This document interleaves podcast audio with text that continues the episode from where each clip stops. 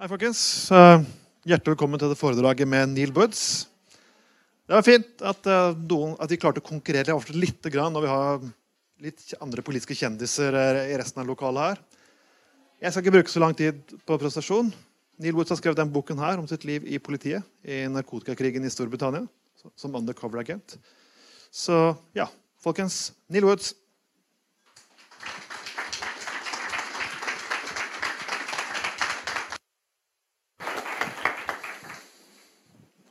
Thanks, Trond. Thank you, everyone. Um, I don't know what he said then, but I would imagine that uh, he's just told you that I used to be a police officer, which, which I did. Um, I was a police officer in the UK for 23 years. And 14 years of those, I worked undercover on uh, drugs operations. Now, I didn't intend to do that when I uh, started in the police at the tender age of 19. Um, in fact, when I went into the police, I wasn't sure I wanted to do that in the first place. I dropped out of university and I thought, what shall I do? I've got to get away from the scorn of my parents. So I thought, I'll go backpacking around Europe. And I was about to do that, but then I saw an, an advertisement in the newspaper, and it was advert for recruiting for police. So I thought, well, what shall I do? So I flipped a coin, and it, and it came up heads, so I went into the police. So I was literally flippant about it. But so when I was in the police, I thought it was going to be a great adventure, a boy's own adventure, and actually, I was a little naive because I really struggled with it. I struggled with the confrontation. I came from a fairly safe, middle class ish background, and so I was thrust into the inner city, and I, I didn't. I struggled to keep on holding my job for the first two years, to be honest. But after four years, I managed to get an attachment to the drug squad. So this is uh, in 1992, 1993. And everyone wanted to be on the drug squad. They were the people who had the, the biggest cars, the fastest cars, the most equipment, the most overtime. All of the detectives would go through CID and normal detective work. They all wanted to get onto, onto the drug squad and, and do surveillance courses and drive the cars fast. And, you know, and they looked cool. They did. So I don't know how I managed to get an attachment. But the drug squad hated us rookies. They really did. Because, I mean, someone there for a month, they don't know what they're doing, they just get under the feet.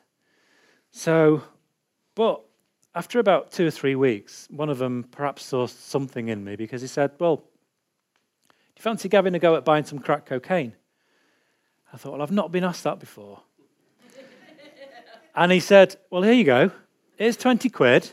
There's a door down there. It's a blue door. Just go down there and turn right and, um, and knock on the door, see what you can do.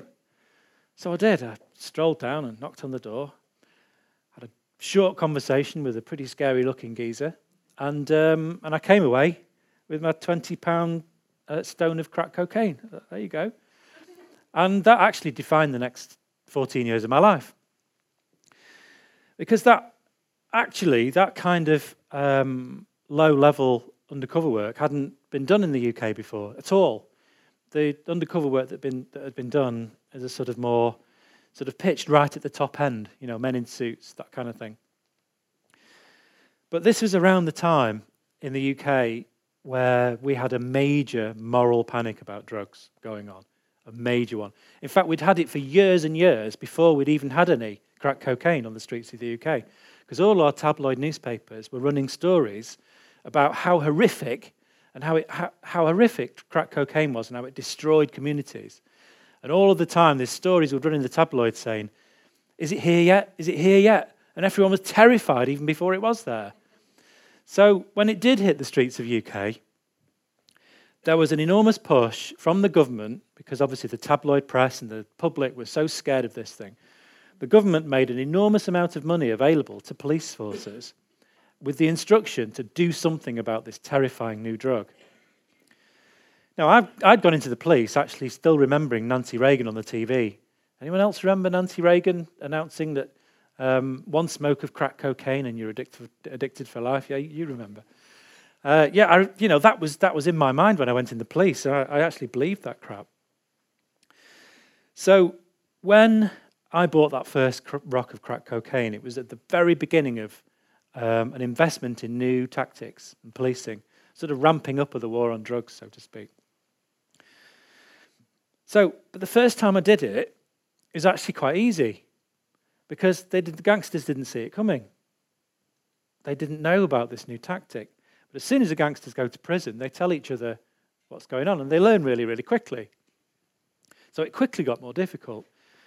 So it had to become more sophisticated and it had to become constantly more sophisticated. Now, I would start by doing jobs for a few weeks at a time, and then that quickly went into sort of six, seven months at a time. So I would be traveling around the UK, and the way the tactics developed is there was a special unit developed just for this kind of work. And if a police area want, wanted an undercover operation in an inner city, they would apply to the to this specialist unit, which is sort of a sort of conglomeration of five police forces fed into it. And then they would supply me to them.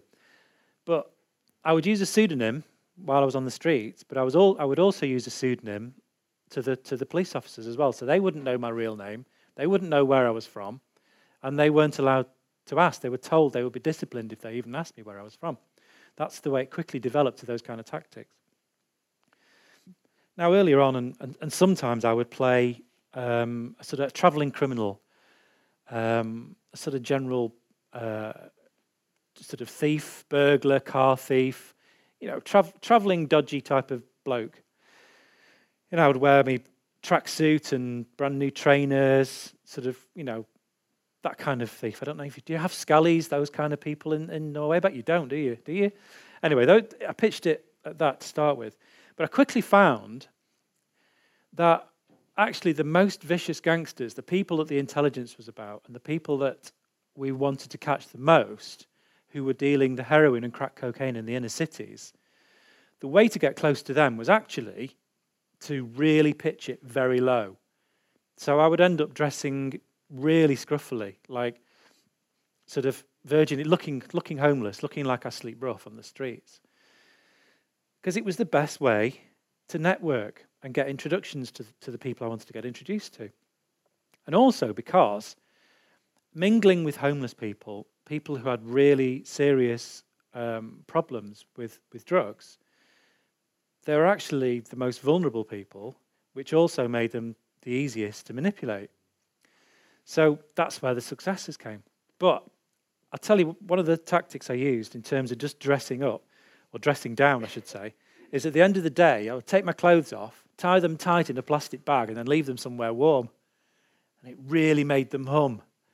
So the next day, I was, I was really feeling in character. I suppose it's like method acting, isn't it? I suppose. But the, the rest of the team hated that. And so they were taking the mickey out of me all the time. I mean, you know, police have pretty twisted senses of humor, and I don't, I didn't mind. So they'd drive me in, into an inner city and they'd, they'd be winding the window down and they'd be saying, You smelly bastard. And they'd be just, you know, taking the mickey. So, one particular operation in Nottingham, and I, I, I was getting dropped off on the edge of a, an area to walk into the city and meet up with this gangster. I've been buying weights of heroin off for a, for a few weeks. And for some reason, he, this gangster was driving, being driven around in a taxi. And I never figured out if he ever paid the taxi driver or just had something over him. I'm not sure. But anyway, he was, he was in a taxi. But he still made me walk a mile to meet him. Anyway, the crew dropped me off and they were winding the window down and calling me smelly, dirty, tramp, all of these kind of things. And they dropped me off. So you can imagine, I looked a mess. Anyway, they dropped me off just on the edge of the red, red light area in Nottingham. And I'm walking along this road and I hear sex for sale. I'm thinking, I know it's Nottingham, but that's quite forward for half past one in the afternoon. So I keep walking and I hear again, sex for sale. And I keep on walking. It's a long curve in the road, so I can't see anyone yet. And I hear again, sex for sale. I keep walking, and, and then I see her. And as I'm walking towards her on the pavement, and I'm almost getting past her, and she looked me up and down. And she said, Cheap sex for sale? so, I, I, mean, obviously, I'm, I'm sufficiently in character. So, anyway, I walked past her and I went to meet the gangster in the taxi, cursing him in, inwardly that he still made me walk, even though he's been driven round all day. And, but you know, I, I went back at the end of the day. I did, did lots of stuff that day, and I went back and debriefed the team, the things that had happened in the day, and I told them about, you know, I told them about the Hussein cheap sex, and, and they all laughed, uh, you know, the same as you. And then later on, uh, I got involved in the development of undercover tactics, and I trained undercover cops all around the UK and cops wider in drugs drugs training. And uh, whenever I tell that story, everyone, everyone laughs. But you know, I that, that gangster who I bought the heroin off that day, I have no idea what he looks like. It's just another face in a sea of gangsters. I have no idea. But I can tell you, I can clearly see that woman's face. I can, I can put myself there and I can see her absolutely clearly. Because she was not a day over 21, I would say. And she was clutching uh, a can of special brew, just like ultra strong lager. And she was clutching it, desperately trying to fend off a, hero, a heroin withdrawal. And she was really struggling. Well, obviously, she was struggling because at half past one on a sunny afternoon in Nottingham, she was offering herself for cheap sex to pay for, for, for what, what she was requiring. And you generally find it's the same gangsters selling the heroin that actually exploit people like that. So she was being sexually exploited. And the reason that stays so clearly in my mind is because I was the agent of the state. And I walked right past her to go and do the state's bidding and go and buy heroin off yet another gangster.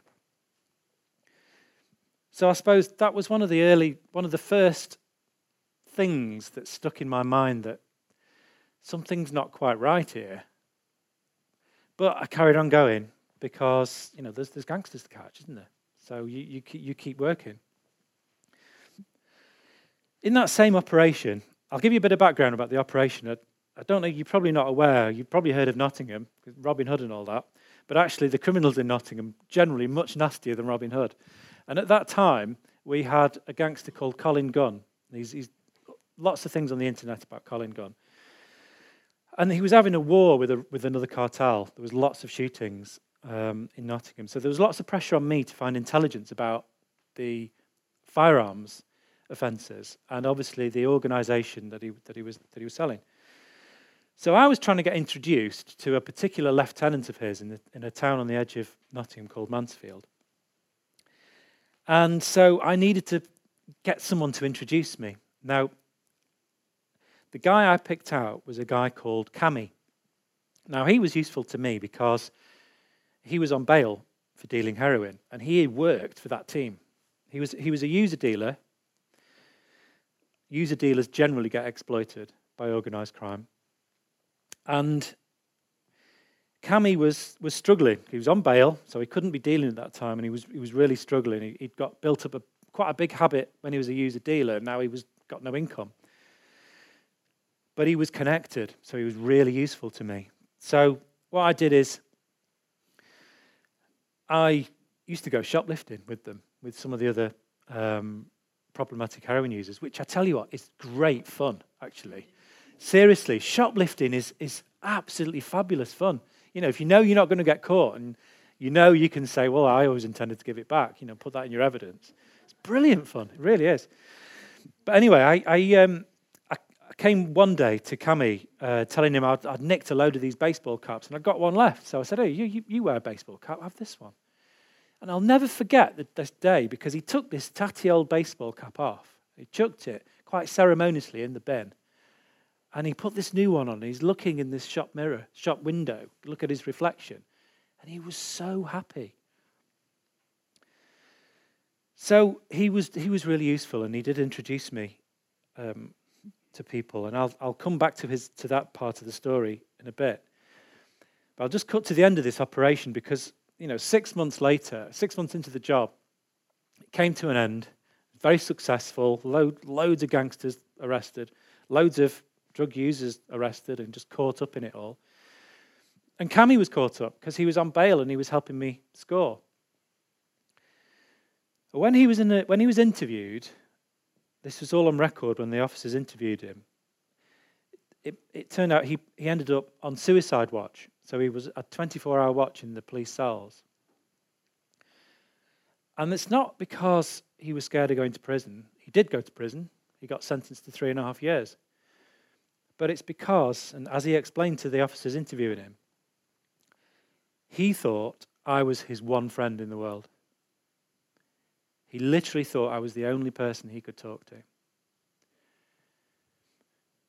Which people should bear in mind and realize that undercover police, undercover police work is the nuclear option of policing. It really is, because you cannot go into a community, a group of people, without having potentially enormous impact on people's lives.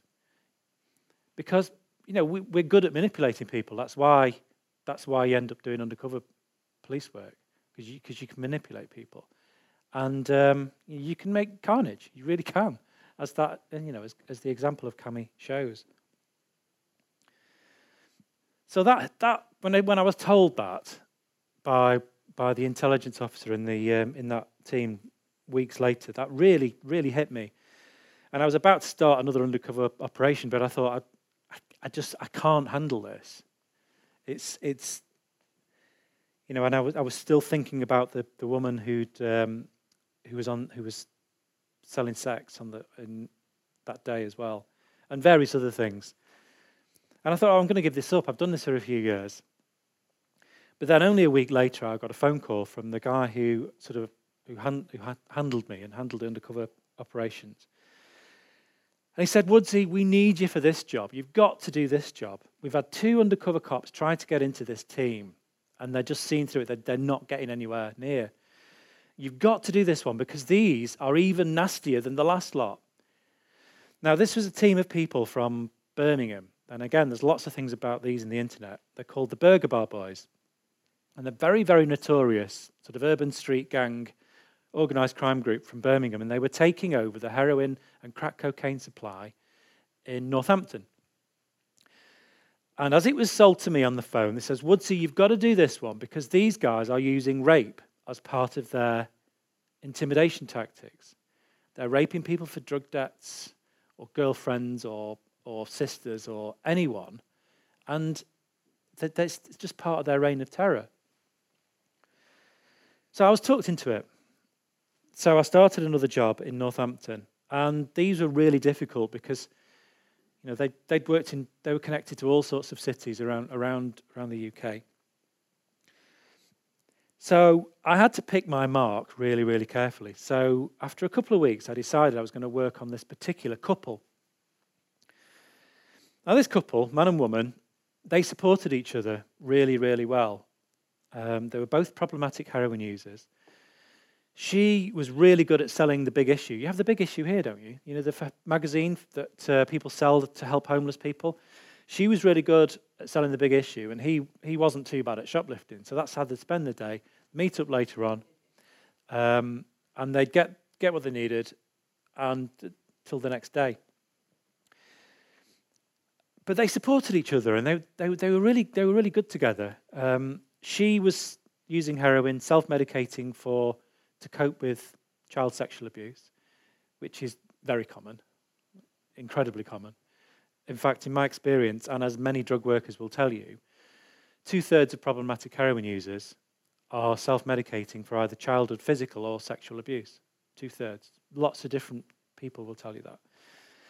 He was self medicating for, for other reasons. He had uh, constant pain in his hip and he walked with a, a stick. But whatever their reasons, they looked after each other. So I, I, won them over because what I did is I uh, made myself out to be a traveling criminal and I needed the hookups for shifting stolen gear. So they knew everyone. So I'd go up to them and say, Look, can you connect me with someone who can take my baby clothes off me? That's another tip for you, actually. If you are ever going to go shoplifting, Baby clothes. People always want baby clothes. But of course, you have to find the person who's going to buy them off you to, to sort of, you know, to fence them.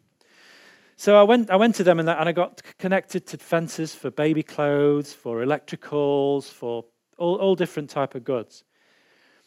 But I'd start moaning to them and saying, look, I can only get 10 bags. I can only get crappy street bags of, of heroin. Um, I need to connect for some decent weights. And eventually, he said, Okay, look, I'll introduce you to the, to the Birmingham crew. I'll, I'll introduce you to the burgers. And what he made me do is, is rehearse a cover story. He says, because there's no way I'm introducing you to them unless they think we've known each other for years.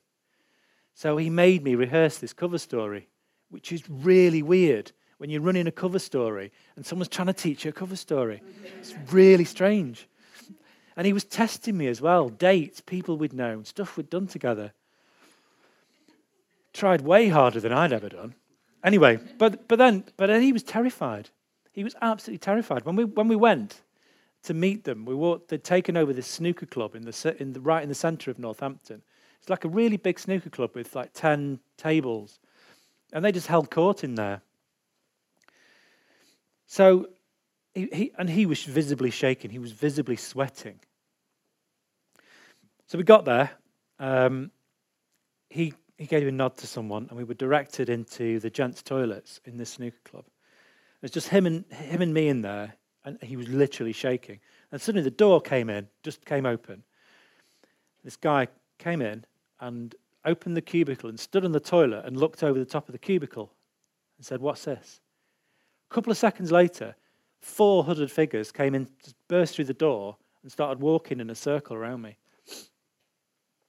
And then every so often, that one would headbutt me on the, on the side of the head, or they'd push me into another, and the other one would headbutt me back. And they just keep walking around like this. And all the time that they're doing this, I'm being asked questions by him up there and he's asking him the same questions. And then he's testing and asking the, then he's rephrasing the questions, just trying to catch us out.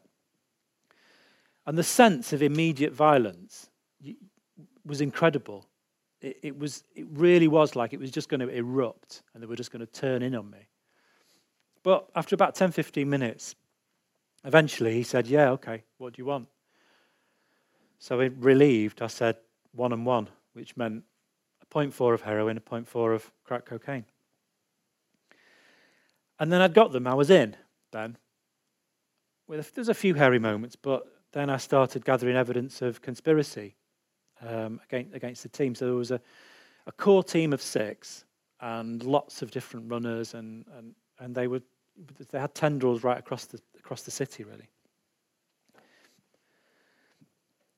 I say there was a few moments when you're gathering evidence against these people, you have to have some corroboration at some point. So you wear a wire or a camera or something, but you don't do that until you're absolutely convinced that they are happy with you.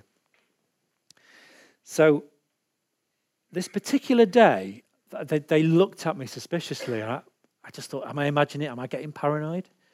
And so the next day, I was in two minds whether should I wear a wire, should I not?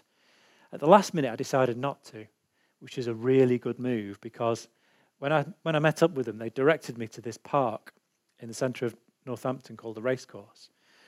And they stripped, five of them stripped me at gunpoint. They said, You're wearing a wire, you're a cop, you're heat man. And they stripped me daylight in the middle of a park. Um, so I was really glad I decided not to wear a wire that day, to be honest. They, they were truly, truly vicious people. In fact, one day there was intelligence came in that um, that they had gang raped someone in that car that I'd been getting into each day, and so there was a contingency plan. We didn't think that the woman would re- report it, but if she did, we needed to be ready for some corroborating evidence. So we had a plan that if I was going to get in that car, then I would have to get met by someone for the team, so that my clothes, because my clothes would become part of the part of the scene. So I'd have to have the clothes bagged up and fresh clothes put on. So that was all set up. But of course, when I met them, they were in a different car. The car that they'd used, they set fire to on the edge of the, on the, edge of the city. So even though they terrified people into not talking to the police, they still took every precaution. Now, they didn't use drugs particularly, they were very businesslike in their brutality. But one day, when I came to the car and the car opened, there's this fog of cannabis smoke came out. It was incredible. It was like burning my eyes instantly. Anyway, I got in and they were so stoned. Now, oddly, I was using a pseudonym, uh, almost like a double bluff sort of thing, that was quite similar to my name. I was being called Woody. And this one day, this guy who was dealing to, uh, who was speaking to me, uh, his name, I better not say his real name. I can't, what, see, can't remember what we call him in the book. Anyway, he was this guy. He was implicated in seven different murders in um, in the Birmingham area. And this one day he was stoned and he looked at me and said, Woody man, why they call you Woody man? Is it because you look like Woody Allen man? Thinking, really? So I said, well, no. And when, you, when you're working undercover, you tend to be quite quick thinking after a while of what you're going to say. And I just came up with this on the spot. I said, no, no. Well, you know the film Toy Story? And he went, oh, yeah, yeah obviously a Toy Story fan. Uh, I said, Well, you know when, when Woody gets picked up and the naughty kid burns a hole in his head with a magnifying glass? He went, Yeah, yeah. Well, when that film came out, I had skin cancer on my head and I had to have it burnt out with laser surgery. Can you see the scar? And he went, Oh, yeah. and I said, And all my mates took the piss out of me because of this. They were laughing at me because I'd had, you know, and seven times murderer gangster said to me, Oh man, that's so mean. yeah, you just never can tell, can you, really? Toy Story fans. Anyway, the end of that operation, six or seven months it was, and it was massively successful.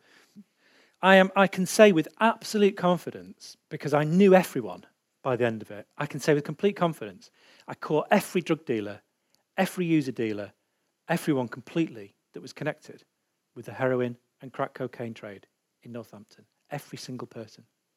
96 people were arrested.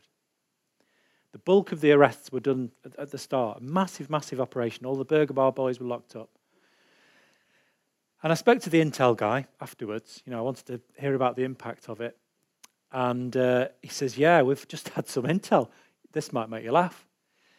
He said, um, you know, how long it was before someone could get some heroin and crack.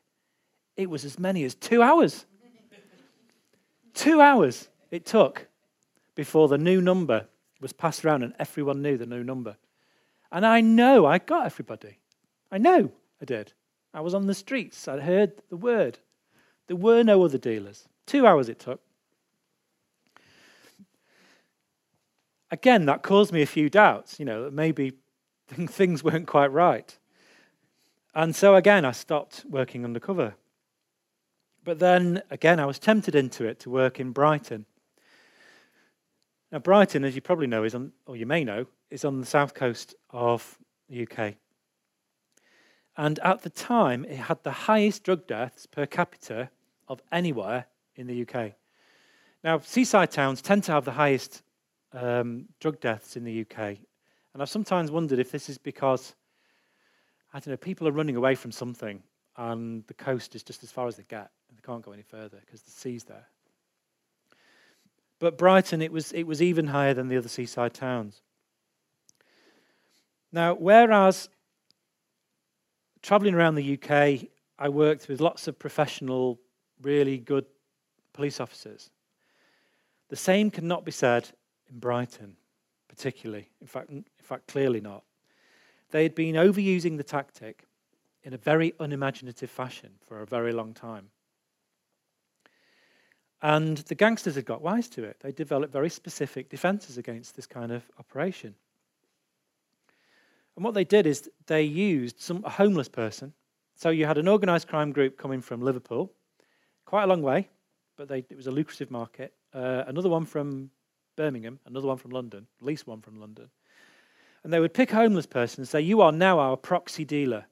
You will bring all the orders and all the money to us, and you don't bring anyone else, because if you do, you'll be killed. And no one's going to investigate it, no one's going to care, because you're just a dirty smackhead. Now, unfortunately, when I raised these, this, when I told the team this, their attitude was, well, if just another smackhead dies, the shoplifting will go down for a day. It's just another smackhead. What are you on about? Now, they didn't believe it, but they didn't care.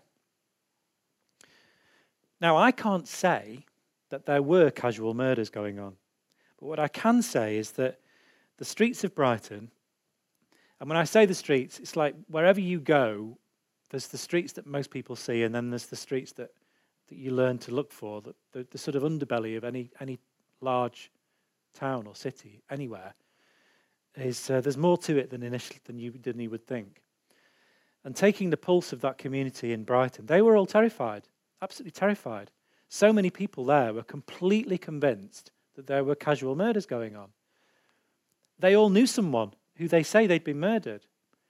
And you know, it was the highest drug deaths in the, in the UK. It had been for over seven years. So I'm not saying that there definitely were, because that would take a police investigation to say so. But what I'm saying is that several people, most people, believed that it was. And faced with the attitude of my colleagues and the casual view that a, dead heroin user is no great problem, and faced with this sort of, it's almost a vision of the future that the, that the organized crime groups had developed, this new tactic, this sort of almost an end game in the arms race. It, it made me realize and I, look, I look back on all of the incremental thoughts I'd had, all of the doubts I'd had over the years. And finally, the penny dropped. That the reason every single year my job got harder, every, every single year gangsters got nastier, they started raping people, they started breaking people's bones, is, is because of me. Well, not just me, but people like me. And I have to take a certain amount of the responsibility because I helped develop the tactics with great enthusiasm. You know, I developed the expertise of this and trained people all over the UK to work undercover and do this. But I look back 14 years earlier, I just knocked on the door and had a quick chat. You know, the violence wasn't there, not to the extent that it was later on. And the situation in Brighton, I mean, that's a vision of the future. That's what would happen if, if police, the police were using the same kind of tactics all over the UK in such unimaginative ways. So it made me realize that this is an arms race, this drugs war. It's an arms race with no chance of de escalation because there can't be any peace treaty. There's no, there's no calling an end to it unless you declare peace, which means ending, ending the, the war. But the reason I had to stop eventually in, in, in the job is because when I look back at people like Cami or the couple in Northampton and so many other people that I manipulated, at the time I was manipulating them, I knew that that would be putting them at further risk. Because they go to prison or they go back out on the streets, everyone knows who it was that introduced the undercover cop to them. So that actually put them physically at risk. It also just made the lives of those vulnerable people less bearable because Cami wouldn't have got three and a half years unless I'd walked into his life. And that guy needed help. But when I was making those decisions, I knew that. I knew I was making their lives more difficult. I knew I was putting them more at risk. And I was making the decision that the end justified the means. That was an operational policing decision in my mind that the end justified the means because catching the gangster, catching the bad guys at the end of the operation, to me, that made society safer.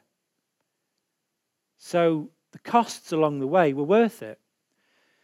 But when I realized eventually in Brighton the reality of the situation, that meant that the end never did justify the means, and that all I'd been doing is causing harm. I mean, if you think about it, that, that kind of decision making, that's the decision making of the battlefield. That's like a general deciding that some troops are going to die, but we'll win the war. And that's got no place in civil society at all. What, what other form of policing is there where you are actually willfully causing harm to a certain section of people just to get an end result. There's, there's, no, there's no other policing like that. But it took me 14 years to realize that. It took me a long time. But I realized it. Yeah, I realized it. I did. So, but I'm going to, so that's, that's the principle, that's one of the most important reasons why I do what I do. But I'm going to re- return now. I'm going to tell you a little bit more about Cami's story. Because there's another very important reason why the drug war really, need, really needs to end. One day, I think it probably about, um, I don't know, six weeks into the operation, and Cami got arrested. And I'd spent a lot of time with Cami. And he got arrested. I'm thinking, oh, he's on bail. He's not gonna, we're not going to see him again. He'll be straight to prison on remand. But later, in, later that day, he, he came out. He was released. Now, I was stood with another three of his mates, and Cami came over to us looking really sheepish. And I said, Cami, what's up, man? What's going on? We didn't think to see you. We thought you'd be remanded by now. And he says, Those bastards. Those bastards. He says, I was sat in my cell. They'd only got me on a little possession, but they knew they could remember me. Bastards came to me in my cell, two of them, two cops, plain clothes, and they said, You can either tell us about your supplier, you can either give us information, or we're going to tell everyone that you did do. I was quite shocked at this. But so I said, What do you do? And he says, Well, I couldn't tell him anything, could I? Because how do I know that one of them isn't working for the same person I work for? So I thought, I just have to refuse them and then just come out and tell everyone what's happened and try and hope that people believe me. And I'm thinking, well, I believe you. And they believe you. I'm just thinking, not quite sure his boss is going to believe him. So a few weeks after that, Cami introduced me eventually to this lieutenant of Colin who was a really crazy, vicious type he turned up in this car after I'd got the introduction, and um, this was weird. Do you have um, like skinhead fashion here, like with the braces and the like bleached jeans and the check shirt and the skinhead? He turned up like looking like a skinhead. But the weird thing is, he's got a 12 year old son who was in the same outfit and the skinhead. He's like a mini me. Really weird. Anyway, he opened this car door and he beckoned me over and he got, got me in the sort of entrance of his car. And he got this blade out and stuck this blade into my bollocks. And you do not want to be feeling a sharp blade there. You re- it's not comfortable. And that's an understatement. So he started asking me these questions and testing me, doing the same kind of thing, you know, trying to catch me out. But what really put me off is I'm thinking that's a 12 year old child there thinking, what is this 12 year old seeing? And that was the thing that was distracting me the most, to be honest. Well, no, was it? it might have been the knife. I don't know. but anyway, eventually, I must have passed his test because then he sold to me. And I thought, I'm in, you know, because he was my, my most important target in, in this job, and, and, and I'd got him on the hook then. Now, that operation, again, was massively successful. Loads of people caught, 90 odd people caught. The lieutenant was caught. And some of the information that I got from that operation led on to another operation, which eventually, uh, about 12 months later, brought down um, the Colin Gunn Empire, which is a very, very big uh, organized crime group. But just to rewind a little bit, I'm getting ahead of myself. The day after the guy had had his, the knife pressed between my legs, the day after, with the team, we'd been working for about four and a half months, and two of my team had gone off sick. So we had two new people come in that I'd not met before, and I was introduced them, to them in the morning. Met the first one, shook his hand, thought, yeah, fine. Shook the hand of the second one, and the hairs just went up on the back of my neck. Instincts just on fire. And now, if you've been working undercover for a few months, your instincts are fairly finely tuned perhaps to the point of paranoia. Uh, but he was just wrong. It was the way that he shiftedly looked to the floor. It just, just wasn't right. So I said to the boss, I said, look, I cannot have this guy knowing what I'm doing today. I'm just not comfortable with it. So he said, fine, we'll exclude them both so there's no questions and we'll just tell them to park up at the edge of town. Just, just ignore them. So they didn't know what I was doing. Anyway, fast forwarding again, 12 months later, Colin Gunn's empire is brought down. And evidence is found that this particular police officer, who I'd taken a dislike to, turned out he was an employee of Colin Gunn. He'd been paid £7,000, sorry, paid £2,000 a month on top of his police wage, plus bonuses for good information. And he'd been in the police for seven years. He was employed as someone with no convictions, someone who, who's got the qualifications, who wouldn't uh, bring any attention to himself. So, obviously, I had a big sense of relief that my instincts served me well again. but there was a debrief for that with some senior covert police in the UK. And the attitude from them was universally this. They said to me, Woodsy, of course this is going to happen. Because with this much money involved, how can it not happen? And that is universally the attitude of senior covert police in the UK and more than likely everywhere. So I should emphasize that it is only the money from the illicit drugs market that can pay for that kind of corruption. There is no other kind of criminality can pay for that. And the reason for that is, well, apart from the fact that it's literally the biggest criminal market by a considerable way. In the UK, it's £7 billion a year, and that's the government's estimates. So it's probably significantly more. But £7 billion a year makes it an enormous business.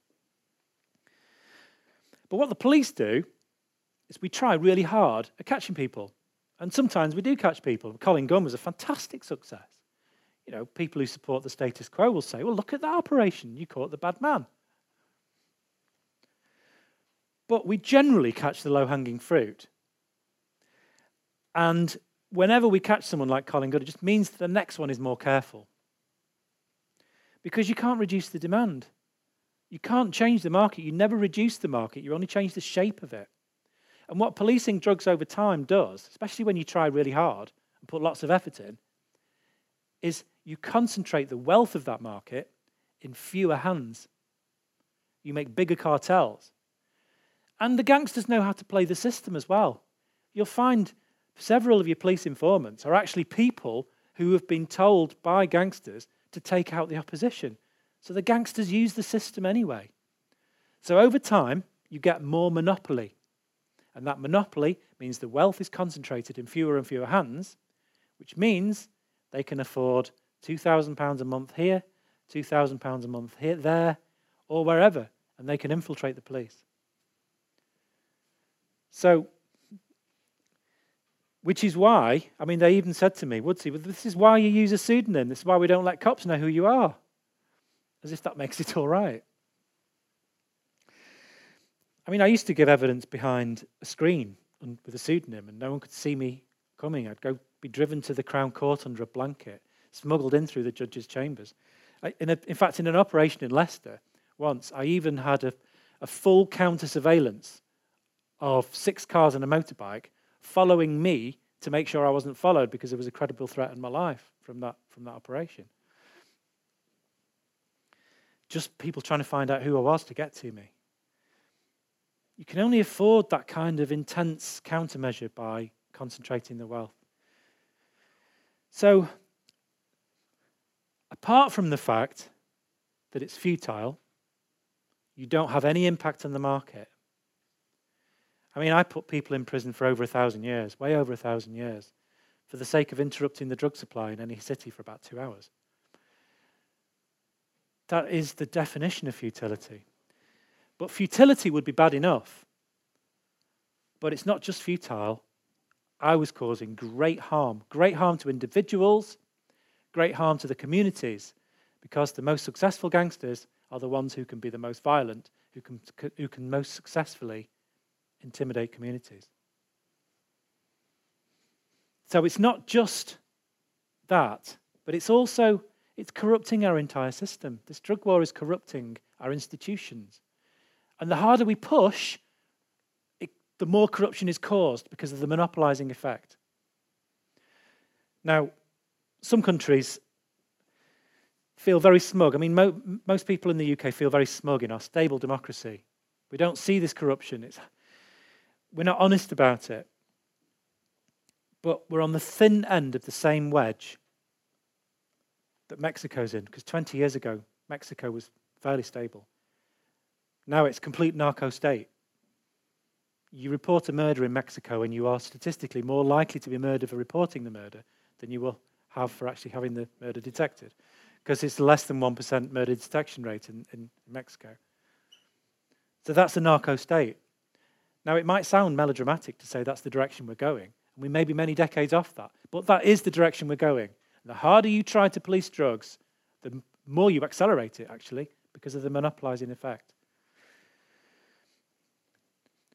Now, I, um, I, looking back on the harm that I caused to individuals, I ended up having PTSD. Now, I'm, you know, over my time working undercover, I had samurai sword to my throat, obviously stripped at gunpoint, um, assaulted. So many times, someone tried to run me over with a car. So many times, like the, my life flashed before my eyes, and I thought, "This is it." So maybe that maybe contributed to my PTSD eventually. But interestingly, my PTSD took the form that I sort of ang- sort of intense anxiety existing in singular memories. So that the sort of single memory dominated me so much that I couldn't really think of what was around me, and would, this would really persist. So that's how it, it manifested itself in me. But it's not the sword to my throat or the knife to my groin, it's not those memories that persisted with me. It's the memories of the woman in Nottingham who offered me cheap sex. It's the face of Cami. It's the face of the couple in Northampton and many other people that really all of my time and resources would have been better spent helping rather than making lives far more difficult. Now, when I used to do that work, I felt duty bound to take those kind of risks. You know, I, I might have gone into the police quite flippantly, and I did, literally. But when I was there, I actually wanted to do the right thing.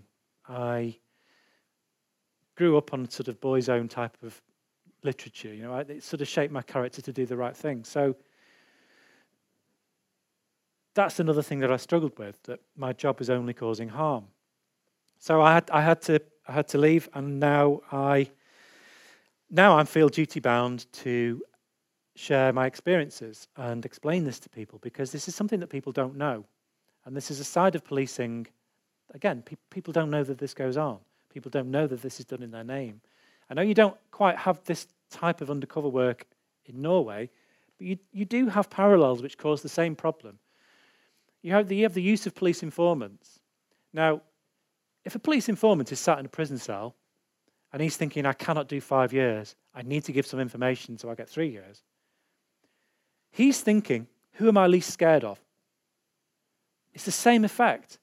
It creates a Darwinian, like an urban Darwinian soup, where it causes the gangsters, the most successful gangsters, are the scariest ones. So it doesn't matter what police tactics there are, the harder you try and do them, the more harm you'll cause. So this is why I travel wherever I'm invited, and so thank you so much. Um, to those organisations, especially Trond, who's invited me. Um, and this is this is now what I why I do what I do. So, thank you very much for listening to me, and please please support on social media or any way that you can. My, the organisations that I'm in, Leap UK, I'm the chairman of. That's my main organisation. I'm also on the board of Leap in the USA, and soon, soon I hope to be launching Leap Europe, um, which will be a catch-all for any police in any, any European country wants to take part. So thank you very much.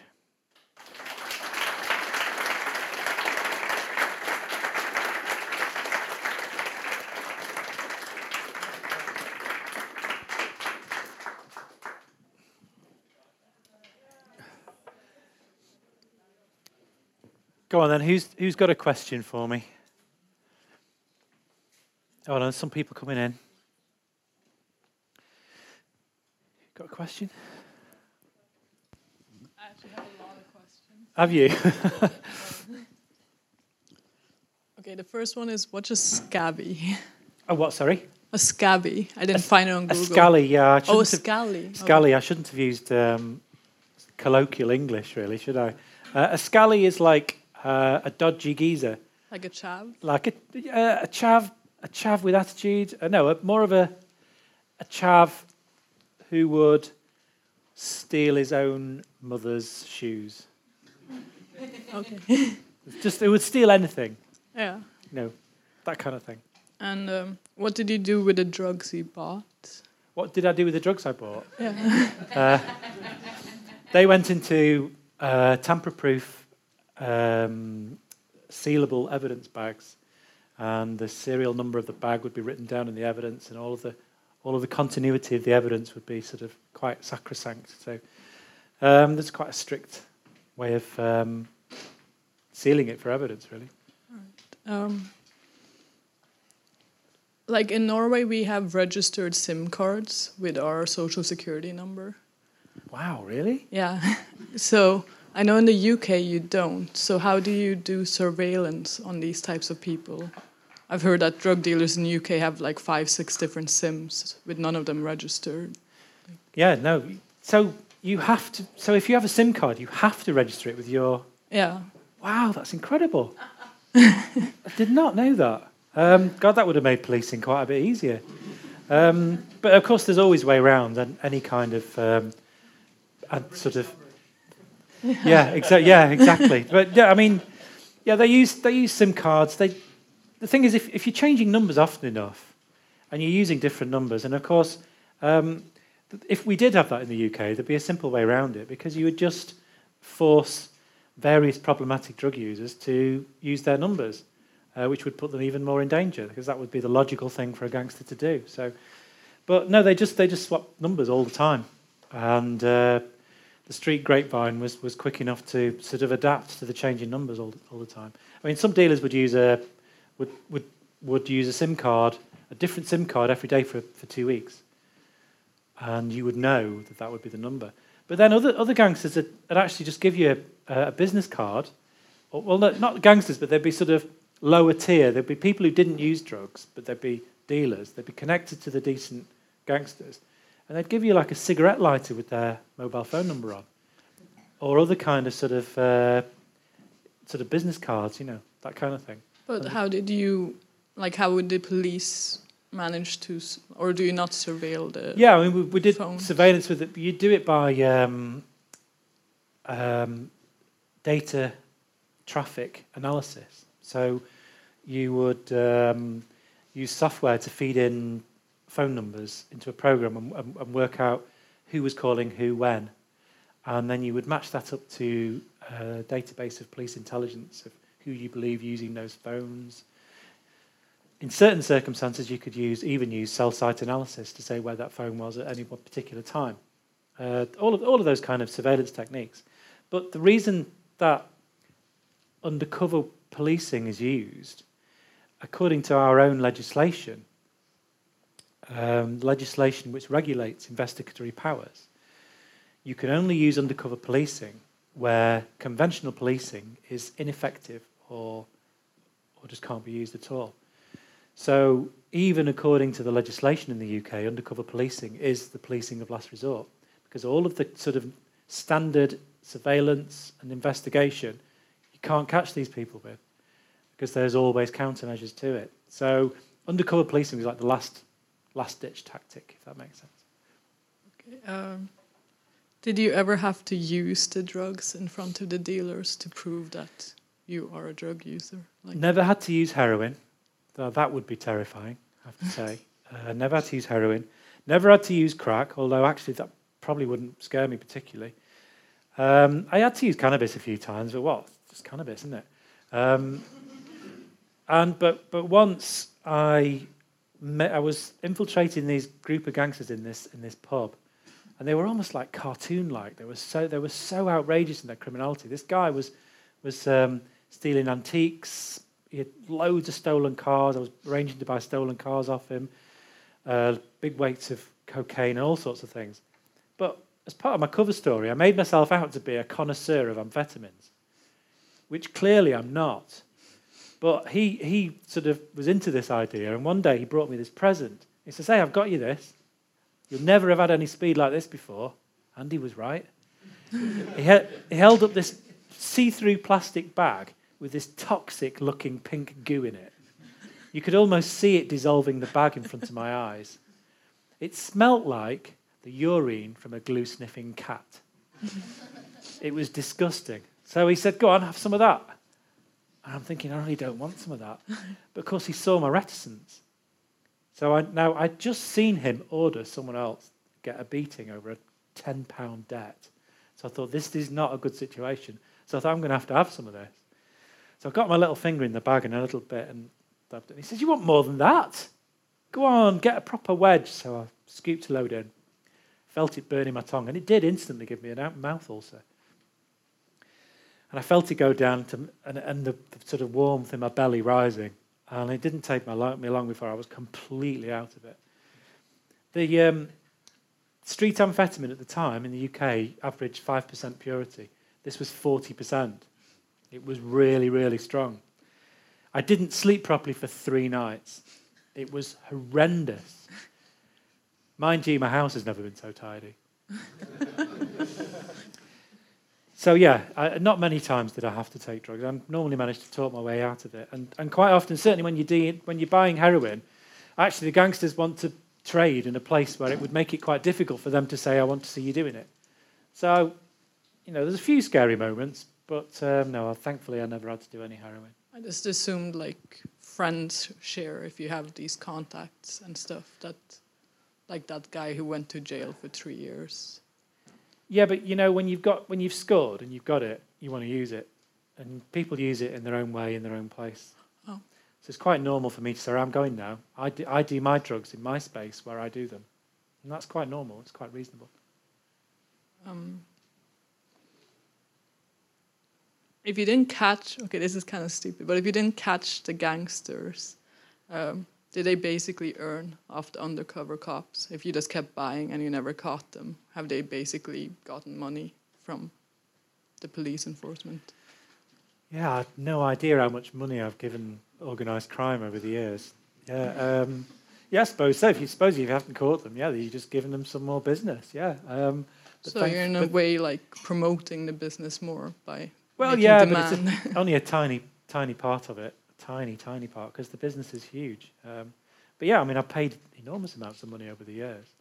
Uh, interesting. I might have to think how much I've spent one day actually. And uh, what was the coolest thing you shoplifted? oh, right. Well, the wasn't very cool, but I was really proud of it because it was six DVDs. Now, six DVDs, if you think about it, it's quite a large space, isn't it? It's quite a bulk. You know, and I wasn't, you know, I wasn't that experienced a shoplifter, so I was really happy to be able to get that much under my jacket. You know, six DVDs, kudos. Uh, but coolest thing, I don't know. Um, you used to get the. Oh no, this was cool. You know the um, PlayStations. You used to get extra memory for PlayStations, and you used to buy them in a packet. But wherever you got them in an electrical shop, you would have like a magnetic strip which you set the security off. So it's a really cool thing to be able to do to peel the magnetic strip off with no one seeing. So I, I used to I used to like that. I used to think, yeah, I've made it.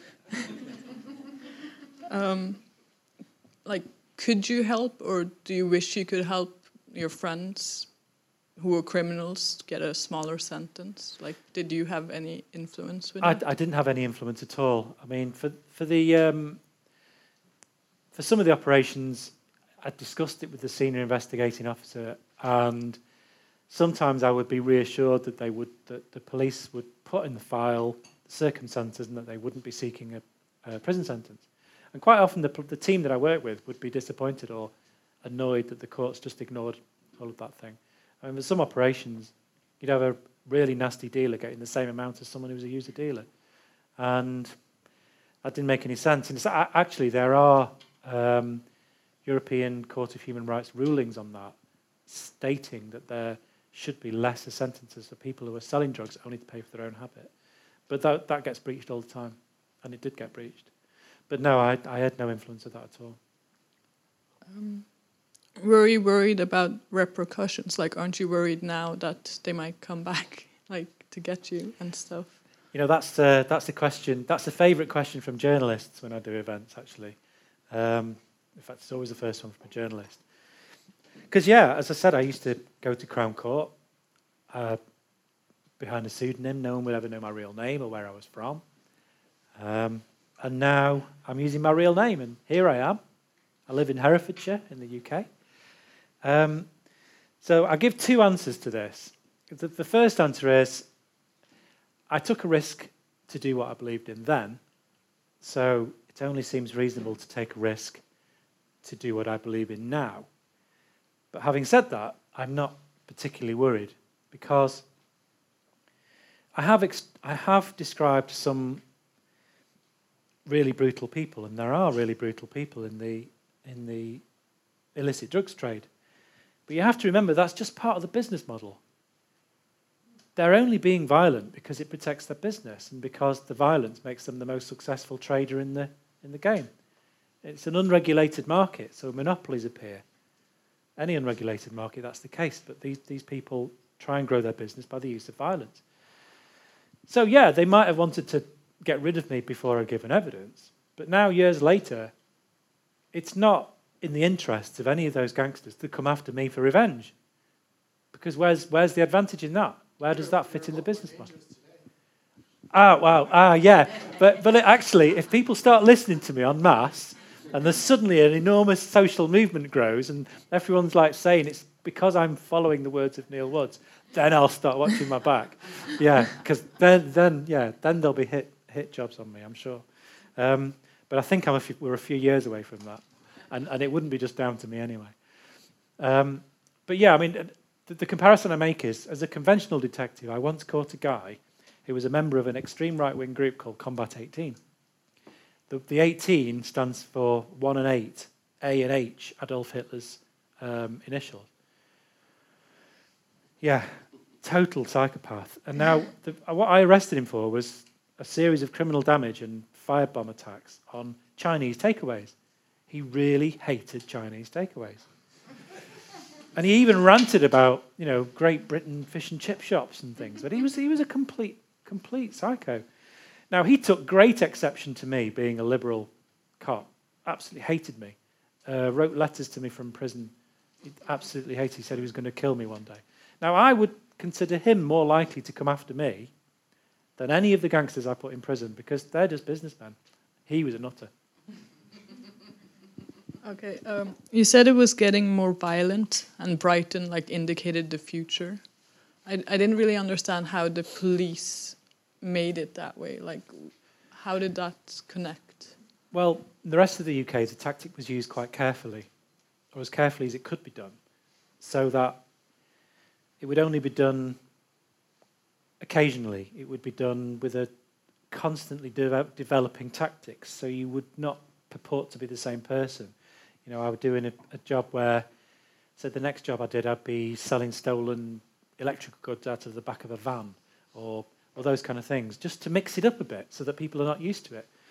In Brighton, they were using just the same tactics in really unimaginative, boring ways. So the gangsters were just really savvy to it. And so that sort of showed a sort of fast forward of the future where gangsters are savvy to all tactics if, if that makes sense. So it was like a fast forwarding of how violent those gangsters could be in response to the police tactics. Oh, so both sides become more violent eventually, or more. Yeah, I mean the police. The police will always get smarter. The police with, with tactics, always. Police are really good, really, really good at developing tactics. They, they are brilliant at investigating this stuff. They really are. But the problem is, the pushback is much simpler from organised crime. It's become more violent. Um, what do you think about the war on drugs in the UK compared to the US? Like, do you think it's similar? Have you looked into that? Um, well, I mean, the United States gave us this war on drugs in the first place um, and forced their morality, their moral judgment on the rest of the world. We're, we're all subject to American imperialism in terms of drug policy. So they do have a situation much worse than us. Um, the violence is much worse. There's, there's an interesting statistic, actually, of just how much worse it is in the United States compared with a place like the UK or, or, or any, or many European countries. In 1969, the United States had a murder detection rate of 85%. In Norway, it's 90% at the moment. In the UK, we have about 85%. When Nixon declared the, the renewed war on drugs, within about four years after that, the murder detection rate in the United States had dropped to 65%. 65. It's never climbed above 65% since, since Nixon declared the war on drugs in the United States.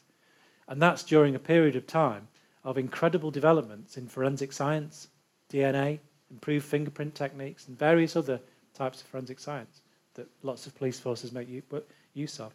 In the United States, it stayed that low. So, yeah, every single country that pursues the war on drugs will have an increase in violence. The United States have got it on a whole new level. They really have. What's the detection rate in the UK? It's about 85%. So it's, it's dipped a little bit below that, but we don't have the guns to the same level as the United States, so that makes a difference. But that's an indicator that it will fall as gangs get more powerful and as gangs fight with each other. You know, it's, it may be a few years off in places as um, calm and stable as Norway, but it will happen, in my view. And you said there was this undercover criminal. Oh, sorry. I only have two, three more questions. I'll tell you what, should we, should we take two more other questions? Yeah, and then one of yours, and I'll try and answer all three together. Then, uh, then we'll get more, more people questions. But we will come back to you, honestly. We'll get all questions done. Hi. Thank you for a good uh, talk. Thank you.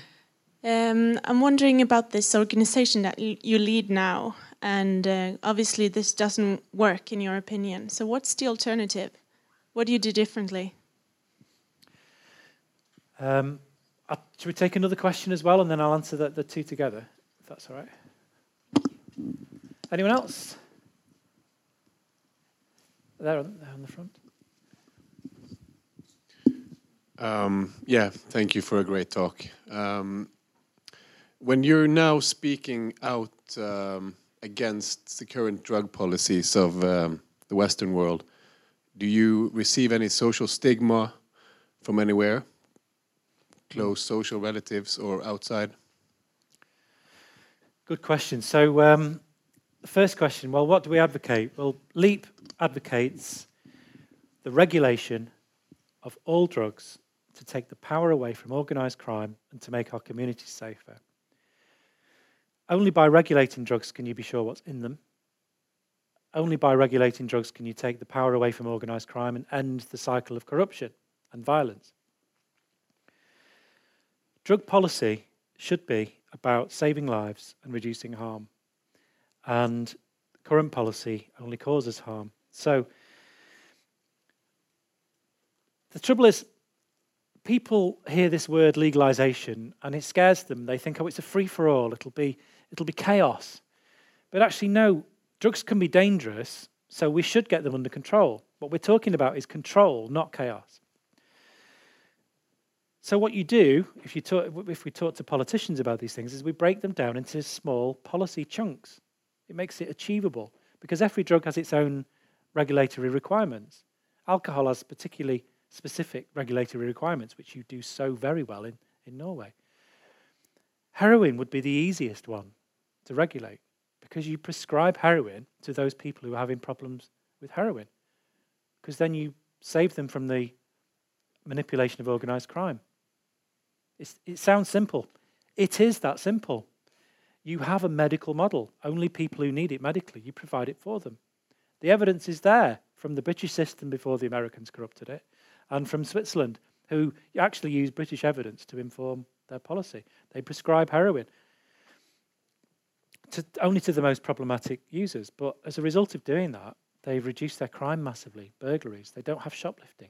They've virtually eliminated street prostitution by prescribing heroin. I can see no reason why any government would not do that at all. So that's, that's simple. because a medical model actually stops it expanding. It takes the market away because gangsters actually want user dealers to find new customers. Doctors prescribing to, a, to someone who needs the heroin, they are under pre- no pressure at all to find new customers. I mean, in the UK, I can only use the UK stats, but we had 1,400, 1,400 heroin users before American style of prohibition, prohibiting, prohibiting heroin, because we used to prescribe it. 20 years later, we had 400,000 users, problematic users, 400,000. Prohibition did that. So heroin's easy. It's just a simple model to use. On the other end of the spectrum, if you look at cannabis,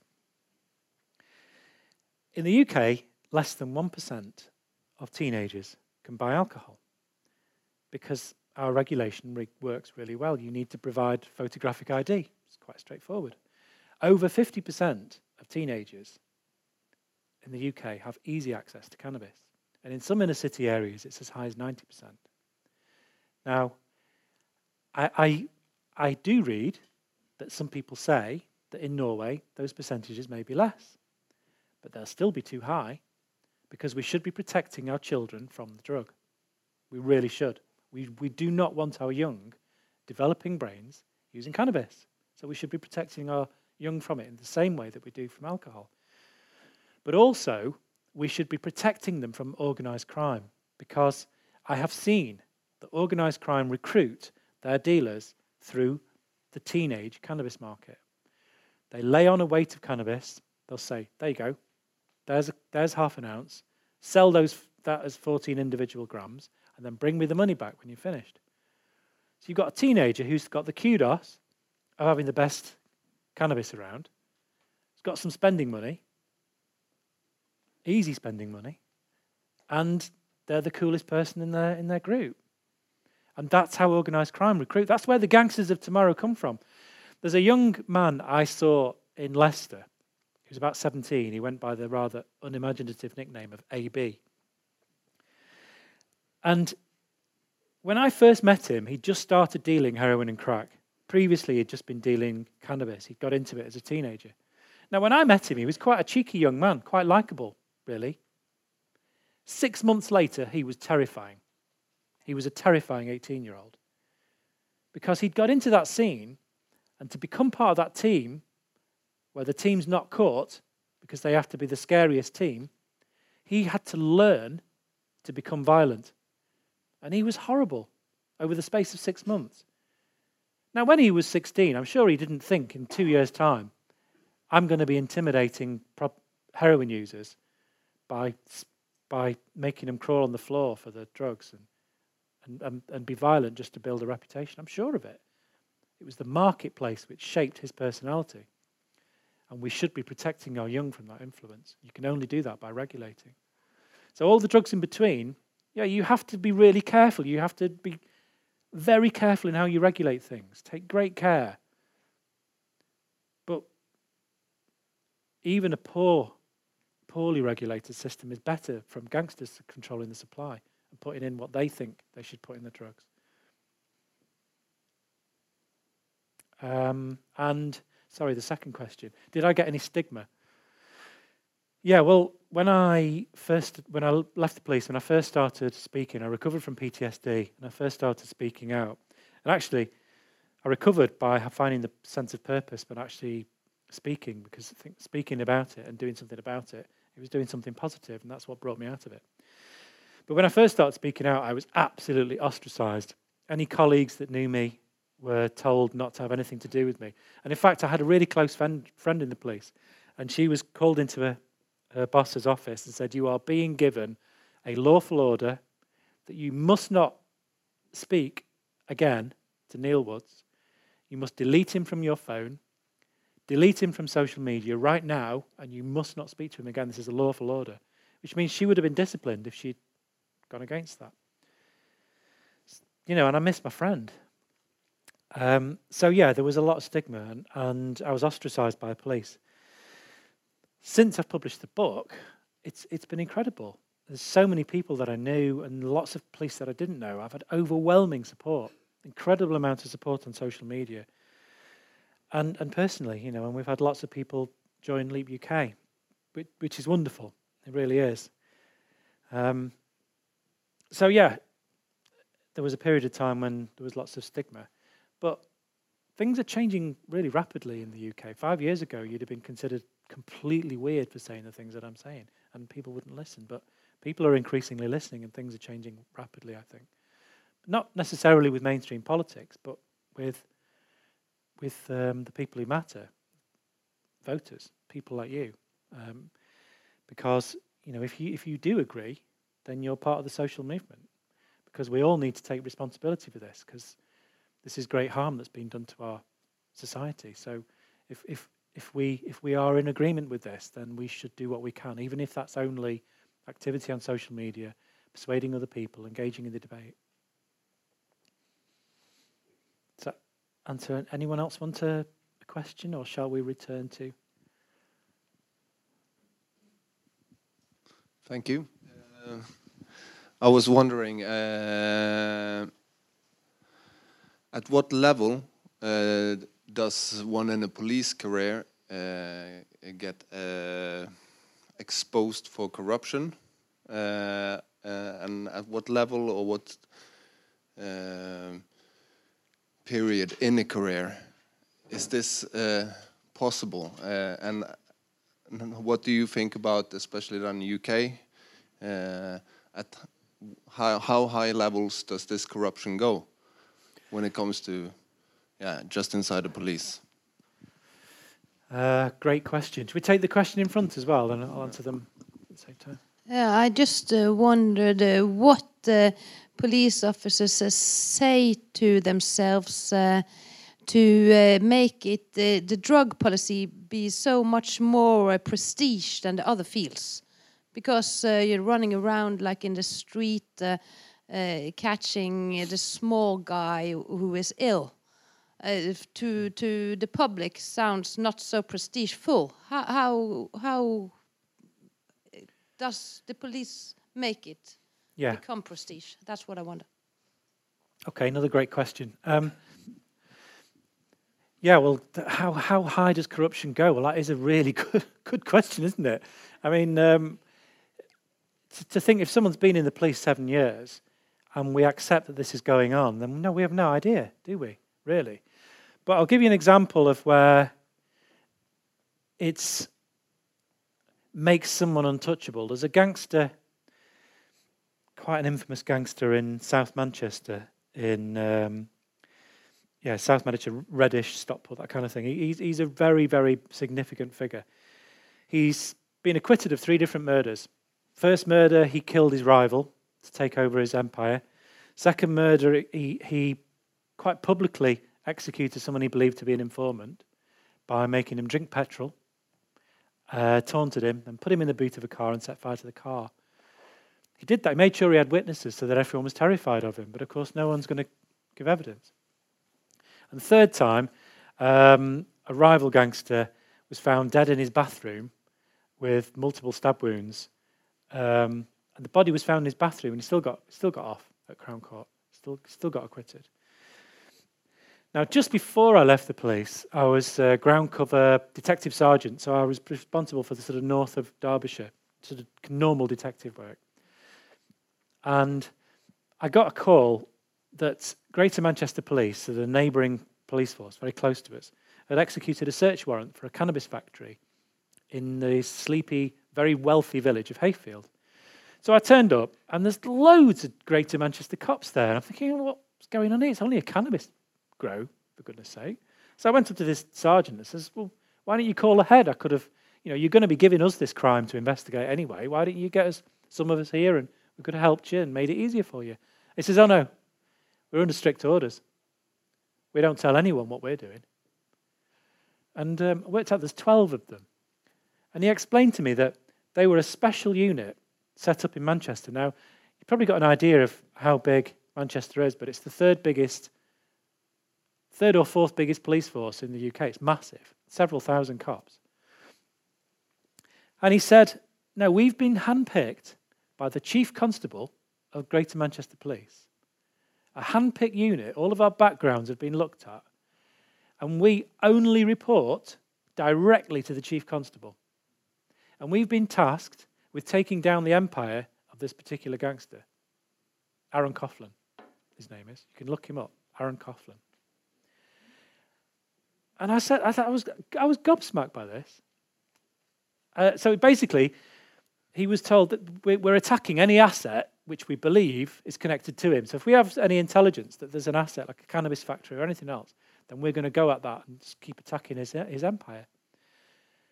So I thought, so I said to him, So you are the untouchables then? And he says, Yeah, that's right, but apparently we're not allowed to call ourselves that. But if you, th- if you think about it, that's 12 cops in a police force of several thousand. I think Greater Manchester is about 7,000 cops or something. The chief constable can only trust those 12. So, yeah, how far does it go? It's a good question. I'm sorry, I can't answer it any better than that. It just, you know, it's always going to, I, suspect it'll always be further than we actually, than we think. So, um, yeah, so how does policing drugs become so, so respected? Well, the, in the 90s, it was respected because all the money was thrown at it. And they had all the overtime. And because they had the best training courses, they had the best equipment, they had the best cars, you know, and being trained to do surveillance driving is quite a great, you know, a great thing. And they seem to have all the fun. So, so, so that's why, really. But it's, it's actually changed drastically in the UK. It's changed massively. Um, policing drugs is no longer a priority for police and crime commissioners who set the priorities in, in virtually every police force in the UK. So things have changed really drastically. And we have got some wonderful police and crime commissioners, in particular in Durham, uh, another one in North Wales, Arfon Jones, who is actually a member of, of Leap UK. He's a serving police, and crime commissioner. And they have said, no, we will not prioritise. And, and in places like Durham, they have actually publicly gone to the newspapers and said, we are instructing our police no longer to pursue people for possession of cannabis. We will no longer pursue people for growing cannabis in their own home. And they've said that, and they got an enormous amount of backlash from, from the right wing press, but they've just stuck at it. And interestingly, in County Durham, as a result, after 12 months after that, they announced that policy, they are the only police force in the UK that have been measured outstanding by all measures by the Inspectorate of Constabularies. So so things things are changing, and it's not so. It's not, it hasn't got the same kudos anymore. In fact, most most police forces don't have a specialist drug squad anymore. They don't even have one in the UK, which is fantastic. Major steps in the right direction, I would say. Sorry, just wait for the microphone. Here in Bergen, uh, they is, uh, have closed uh, a so-called open drug scene, and uh, a report have come out afterwards, and uh, it says that the police have done very different policing in the city center and no, now over by a new um, uh, health uh, uh, care and a low threshold center for uh, uh, injecting drug addicts. So the police uh, have, in the report, got a very good reputation for what they do now, where they leave people alone, more or less. And uh, what they did in the city center, uh, most police in the report said uh, they didn't believe it was a good method to give a lot of high tickets and to expel people uh, for 24 hours or 48 hours. So in the report, the, the, the police on the, on the ground say they don't find it a good method to, to give these tickets. And uh, afterward, the, the general opinion about the policing over there at the Straxhuset, where they do not interfere as much, uh, seem to be good. They are more like uh, social workers. And it's uh, been a change in the roles uh, of uh, the social workers and the police, where they mix more what they do, and that is at the moment uh, giving people, making people a little bit confused. But we will see how it goes. Well, yeah, I mean, it, if police are even talking about harm reduction, and if they are even talking about more positive approaches, even when they don't, even at the point when they're not functioning properly yet, it's still a massive step in the right direction. And I think that's um, that's social change. If, if, if if police are even starting talking about that, so I, I find that really positive. Those kind of things are just got to be encouraged all around. And if you do, if police did police tweet here, we've got social police get really involved in social media and uh, in the UK, and, and so a lot of lot of us reformers, we will we will pester police on on issues like that, and we will praise anything that's positive. Just those kind of things really help, you know. They, um, because a lot of a lot of people who are not interested in reform follow police Twitter accounts because they're sort of traditional police supporters who would support anything the police do. If you get those voices in there, it can't hurt. I think I think any any kind of interaction on social media with police is a good thing on drugs. Any other questions? You have two more, I believe. Anyone else? One more there, then we'll come, Uh, come to a I'm question. just here. popping back to the corruption bit uh, because I was just thinking uh, you became a cop by chance or by it was not your childhood dream. so before you became uh, an undercover cop, would it ever be uh, as a low paid or a low grade uh, cop? An option for you to be corrupted? Uh, would uh, the organized crime in the UK recruit cops at an early stage, or would they make and take their picks like you do, make their marks, and find the key person they need to uh, take the bribe? I think the, the, the example you gave, two to three thousand pounds, it's not that much to sell uh, your uh, uh, yeah, dignity or pride in your work. Uh, No, I mean, uh, yeah, it's a good question. I mean, I no, I, I, I never would have been tempted, but just um, as a matter of interest, I didn't actually get paid any any more for undercover work. I was the same pay grade. I was a constable, so I, it wasn't um, any different. I got more overtime, but that but that but that was exhausting as well. So, um, no, I mean, I, I wouldn't have done, and I, and I know, and I, I am very certain. I know I would never would have been tem- tempted by that. Some might do. You know, that's the tr- traditional way of corrupting police. You know, um, corrupting them by sort of one-off payments is a quite a traditional way of um, corrupting police officers. And and in, in the world of illicit drugs, that still goes on. There is plenty of traditional uh, corruption in the police. There's there's a really good local newspaper uh, in the UK called the Liverpool Echo. They cover local crime issues just really, really well, better than most uh, local newspapers. And it seems almost so often I read in the Liverpool Echo they've got a court case of a police officer who's been paid money by Liverpool gangsters for, about you know about drugs. So that kind of traditional thing does go on. But it's part of the arms race again that police like that get caught. So the way around that is to employ someone to join the police. So you're not corrupting someone's ethics and you're not catching them out with a gambling debt or manipulating them because they're susceptible to it. You've employed them to actually be a spy and join the operation. That means they're not likely to get caught. Now, the one that got caught that, that I came across that infiltrated my team, that was just good fortune that he, he was caught. Um, and, and a little bit of clumsiness on the part of Colin Gunn, and there's a lot of gangsters won't be clumsy. So the, the, the, those, those spies from organised crime are in the ranks. We know it, and we're likely, possibly, never to know who they are.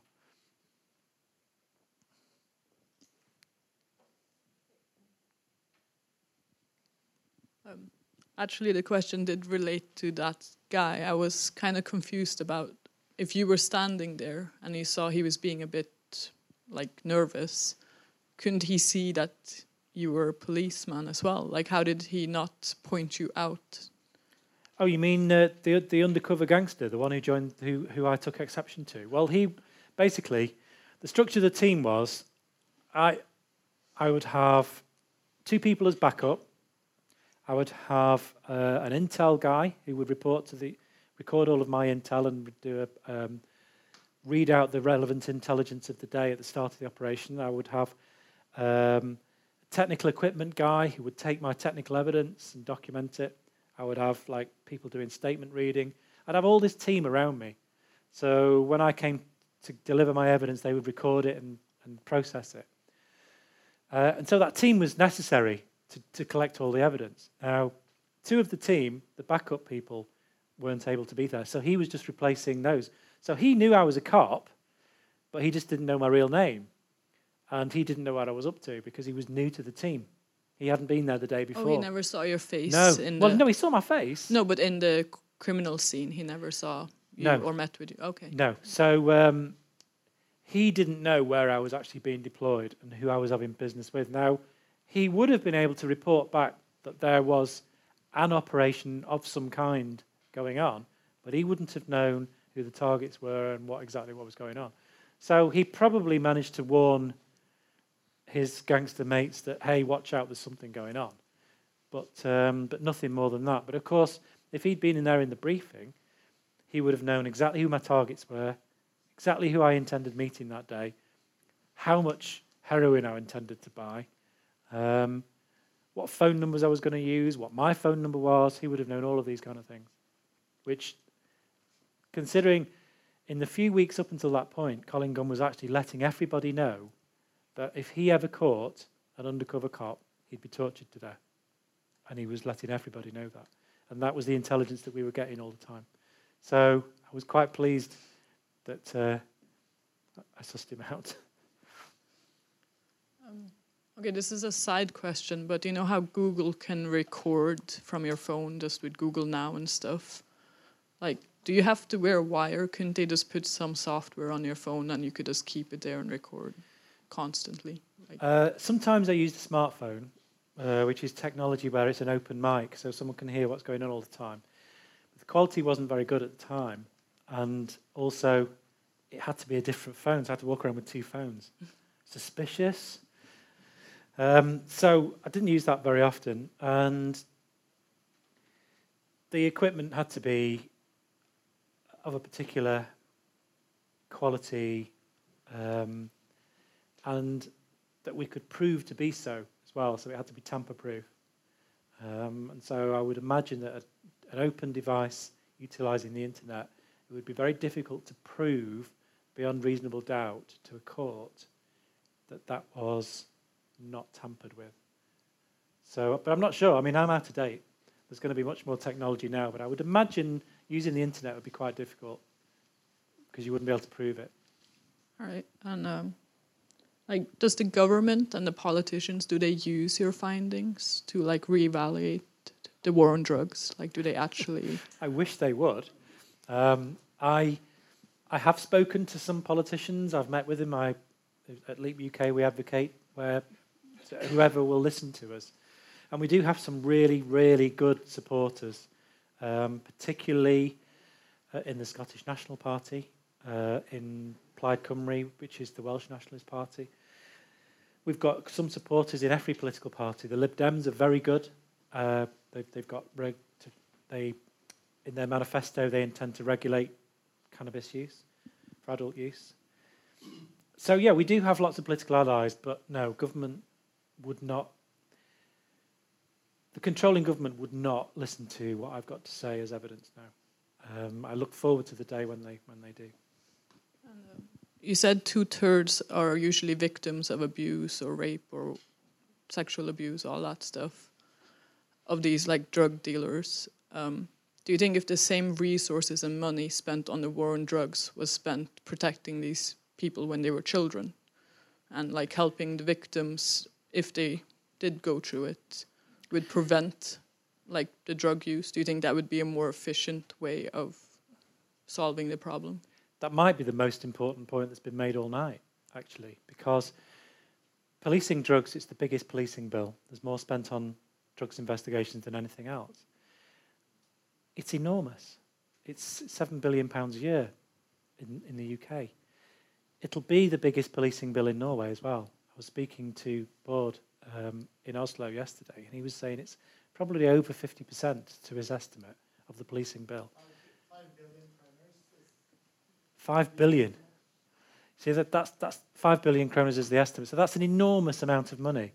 Now, that money could be invested in services to help people who are dealing with childhood trauma. It could it could be used to deal with people who who need some kind of drug treatment services.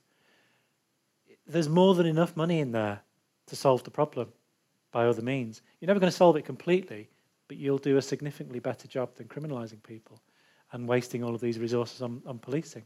So, yeah. And failing to look after those people is adding to the problem. The drug problem is the fact that we ignore those problems. And, it, and it, it's, it's only heroin use where that I've got that statistic that two thirds of, of problematic heroin users are self medicating for childhood abuse.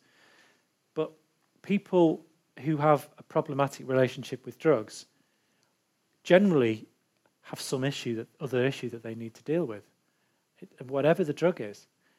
Even according to United Nations figures, 90% of people who use drugs do so without any problem at all with the drug. No problem at all. So to have this enormous punitive drug policy to punish those 10% that do is, is the, to me, the definition of insanity. Um, so, yeah, the money could be spent much better elsewhere. And we have a question at the front. Isn't part of the problem that you can, if you could have gone to the chemist to get your bag of happiness, that would be great. But as a buyer, you are per definition entering a criminal environment. Hmm. So it's kind of um, self recruiting. And is, uh, so by the, criminal, the criminalization, and um, you would solve the problem very easily. But how can you sell that argument? You say that um, the Lib Dems and some of the national parties um, are progressive, but you still have Labour instead of the Conservatives to work with, and that's quite, um, I would think, high uh, threshold to pass.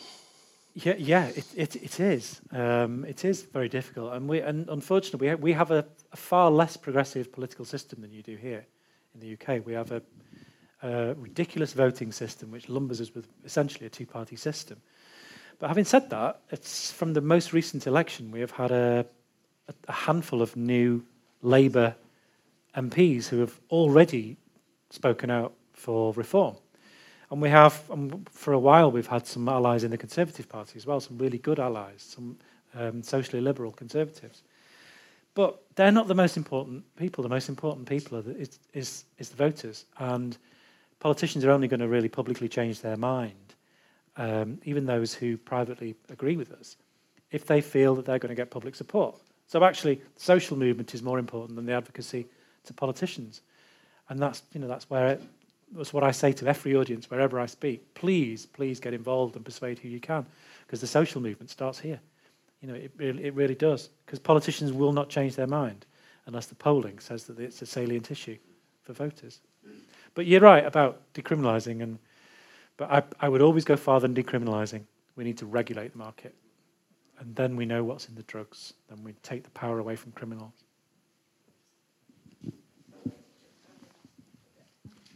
Thank you. First of all, I would like to thank you for a very interesting speech and food for thoughts. I am the local director of prosecution in this region of Norway, and uh, these these thoughts I will take back to my office and we will discuss them. Um, I have spent probably most of my life fighting drugs, and I'm responsible for the priorities for the police here. And there is there is change going on. We are not anymore, I would dare to say, uh, chase the users in the streets as we used to, and we did used to do that. Mm. There is still a priority against the organized crime selling drugs, and I believe that will go on for quite some time. Uh, and we find that these organizations uh, responsible for the massive sale of drugs are also responsible for a lot of other criminal things. Mm. And it's perhaps a question of the hen and the egg, what's first and last. But um, um, regulating one of these markets, having all the others open, and finding that also the other markets are full of problems and money, it's a limit to what we can regulate. There is trafficking in human beings behind all this. There is illegal gun sales behind all this. Uh, and at some point, we'll have to take a stand and, and take the fight. So how do you intend to regulate this so that these organizations stop making money from all the other things they're doing? And secondly, if you if you regulate drugs in a, in a, in a legal market, you'll have to take into consideration, for instance, the competition laws is bordering on perverse when when drug cartels can come to the government and say that we demand to sell our drugs in a free competition because our international competition laws actually dictate that if you if you open for a legal market. Mm. So there are a lot of um, a lot of um, uh, looking for the word here um, complications at least yes before we come to where you want to come. Uh, I will not rule it out, but but there are definitely speed bumps there. Yeah, definitely. I, I, I love the, the question about organised crime because um, there can be nothing perhaps more important from a policing and prosecuting point of view than to put all the resources into beating organised crime. You're right. It's it's it's uh, it's it's it's a scourge on society. You can have much more success against organised crime if you level the playing fields. You level the playing fields by taking their money away from them. Now, I'll refer you to a couple of documents um, from the National Crime Agency in the UK, which is a national organisation, bit sort of like the FBI type of thing, if you've not if you've not heard of them, and they deal with a serious uh, and organised crime across borders.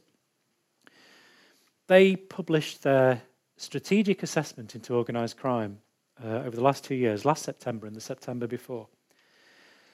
And in those documents, they conceded various points that we have been advocating at Leap UK for some time.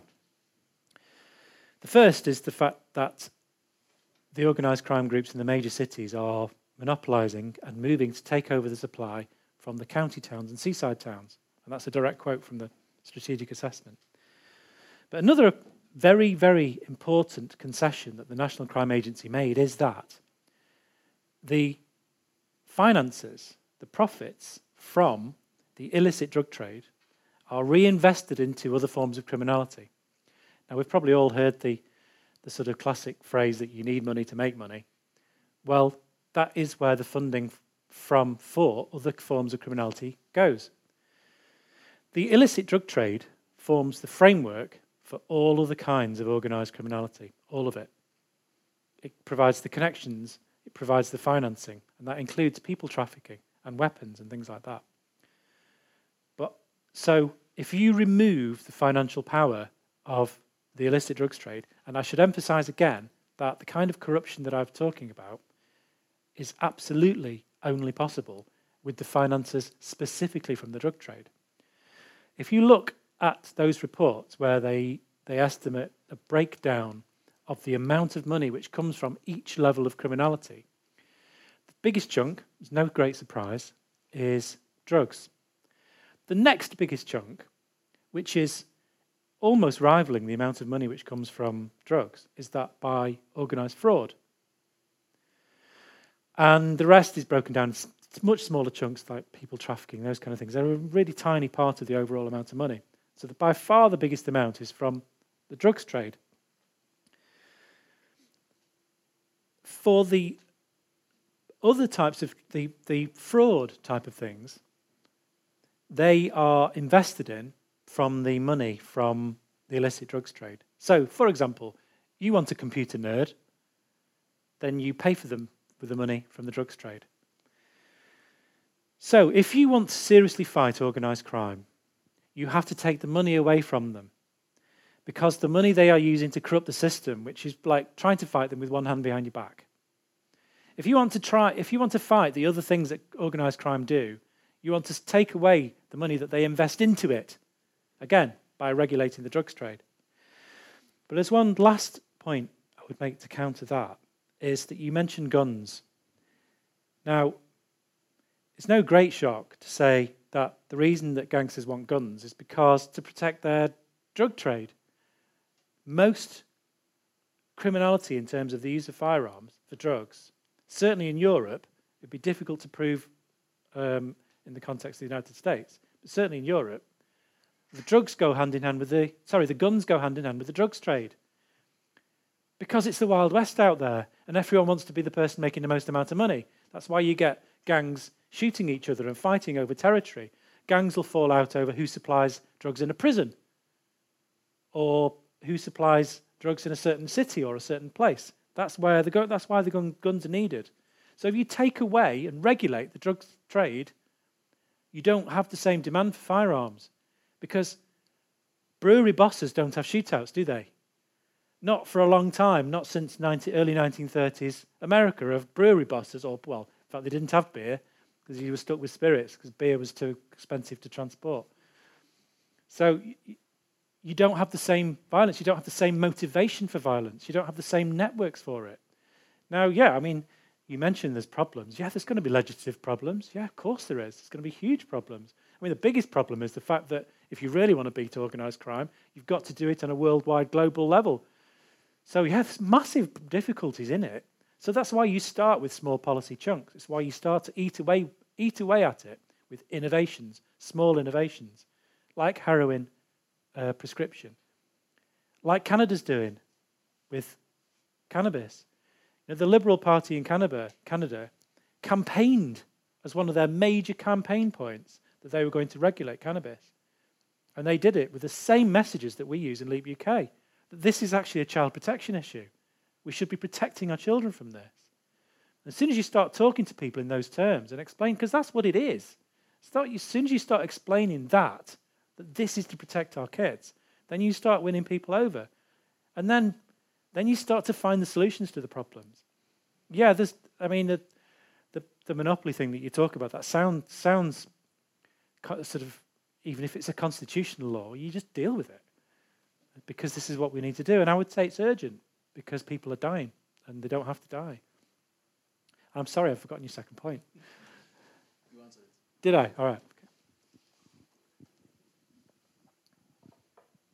Anyone else? There's another one there, and then I'm sure you've got another one as well. Sure you have. I had a comment to this uh, that uh, the drug trade is uh, so connected to the arms and other trades, and uh, I actually think uh, that uh, the amount of drugs on the earth is increased because of the prohibition. Because if you look down at Afghanistan, then you see the war going on there, and you see uh, that uh, they increase uh, the opium production for war reasons to buy and sell, sell weapons. so, so this uh, the market here the prices the prohibition makes the prices go up so it's part of it so so i think if we we made these uh, drugs illegal uh, we would take them away from this uh, it wouldn't be possible for the taliban to to buy uh, uh, weapons for opium money so it would or all the other side both sides i think is involved in the drug traffics yeah, absolutely. I mean, it doesn't so matter. I think sorry, yeah. Legalizing will actually make less drugs on earth because you take the drugs away from the arms and uh, and trade. Yeah, I, I mean, I, I, I agree with you. It doesn't matter where you are in the world, whether it's gangsters in Europe, whether it's paramilitaries like the FARC rebels in Colombia, or whether it's uh, the Taliban in in um, in Afghanistan. You find that actually most the only reason people can afford guns is because of the drugs. That's what makes the guns affordable. But I w- I, w- I wouldn't agree that the drugs have got more expensive because of prohibition, because actually, since we banned drugs, it's 1971 in the UK, but what year it was here. Since we've banned drugs, they've got cheaper, stronger, and more varied. Well, yeah, but it doesn't matter what the drug is. It doesn't matter what it is because um, there's always competition to provide the best product. There's always competition to provide the strongest product. So, and you know, I, in 1993, I was paying um, £10 for 0.2 of a gram of heroin in 1993. When I stopped working undercover, I was paying £10 for 0.2 of a gram of heroin, and the purity had gone up. Now, what product is there that's that inflation proof? I should have think what a pint of beer was in 1993 in the UK, but it, and So prohibition is not impacting much on the market, really, but the profits have gone up.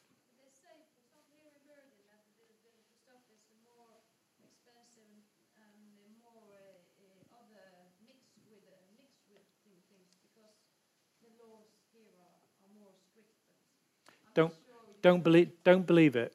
Don't believe it. The drugs have got stronger everywhere. I've, I've seen the evidence from so many different countries that Nor- Norway is not a special case. Norway is not tackling the drug problem and any, any better than any other Western country. Of that, I can be sure. Da har vi plass til ett spørsmål til. For da Um, there's this book called How to Sell Cocaine and Get Away with It. I know it sounds very like, but it's a documentary book that basically explains that the cocaine market is so significant that removing it uh, would cause an economic collapse. Like it, it goes in the billions and billions in the U.S. that it would just destroy the market because it's so like in the system. But that's not my question. That's just the. Um, there are also lots of significant figures who are in the drug market. Even in Norway, we had a case where they were about to be caught, and then, no offense, the police said, "Don't take them," like because they were too significant. So, my question is: Do you think the economy is just not ready for it? That if the whole world starts changing over to a more regulated drug market, even with taxation, that it would maybe cause economic problems, and that's why the top leaders are not making that change. They've seen that the studies couldn't, like, Uh, if you get my meaning. Yeah, I get your meaning. It's a, it's a really interesting question, actually. The economics of the drug trade is absolutely fascinating. I, I don't believe that that's the reason why politicians are, are resisting change. I think politicians have been trapped by a moralist narrative, um, which is led and maintained by media and, and, and various people. It's, it, it dates back a long time. Um, but as for the actual trade, well, it's a theoretical question because there's no way you could get rid of the illicit trade without, without regulating it. And I'll just give you an interesting fact. For the cocaine trade, sometimes the National Crime, Crime Agency in the UK will have a massive cocaine seizure. Maybe the Royal Navy will catch a boat or they'll catch someone landing it on a beach or something and they'll, they'll take great photographs of it. And it's, I call it photo op policing. And they take these lovely photographs and there's like big masses of cocaine. It looks like sort of hay bales. It's all very impressive, and all the police want to be photographed next to it, and it's all very exciting, and the newspapers are involved. But what the National Crime Agency actually should say, if they were being honest, is that even according to their own intelligence, there's never more than 1% recovered that's imported into the UK. Never more than 1%, which I'd call that pretty good business losses. Marks and Spencer's, which is a high street shop in the UK, write off 5% of, of normal business losses just from shoplifting. Yeah. So 1% is not bad business losses, really. Now, so you can't make a dent in, even, even by making peace with the FARC rebels, you cannot make a, de- a dent in the cocaine market by, un- unless you regulate it. But in an ideal world, you would regulate it and then you would see a steady decline of use, like you've seen a steady decline of use with smoking cigarettes. But it will be a safer world where those people who do want to have their cocaine can get it from a, a pharmacist, somewhere where they know what's in it. Because actually, all of the cutting agents in cocaine are far more dangerous than cocaine. There's, there's carcinogens in there, there's all sorts of really nasty chemicals in there. So, in an ideal world, ideal world, you want to shrink that market anyway. And if that causes economic problems, well, that's a, that's a reasonable trade as far as I'm concerned. But actually, I think it would create an enormous boost by regulating all of the drug markets, especially the cannabis market. I mean, I don't use this in advocacy. I don't use this as a reason to do it because for me, you, you, can't sell that to people. You can't say, oh, we could make money from it because we're talking about the safety of children and society. You can't break it down just to money. You can't break that down to monetary reasons. I, I don't think that's right. But it is a reasonable argument to make. It's a reasonable thing to point out that actually there would be enormous financial benefit. I, I from, um, from, from what I've read about the economics of the drug trade, it would be in healthier, the, the finances would be in the hands of healthier individuals, nicer individuals, put it that way. Uh, okay, that was the end. Um, you can read his brilliant book, Good Cop, Bad War. You can get it on Amazon. It's cheap on Kindle. Um, yeah, um, a big applause. Thank you.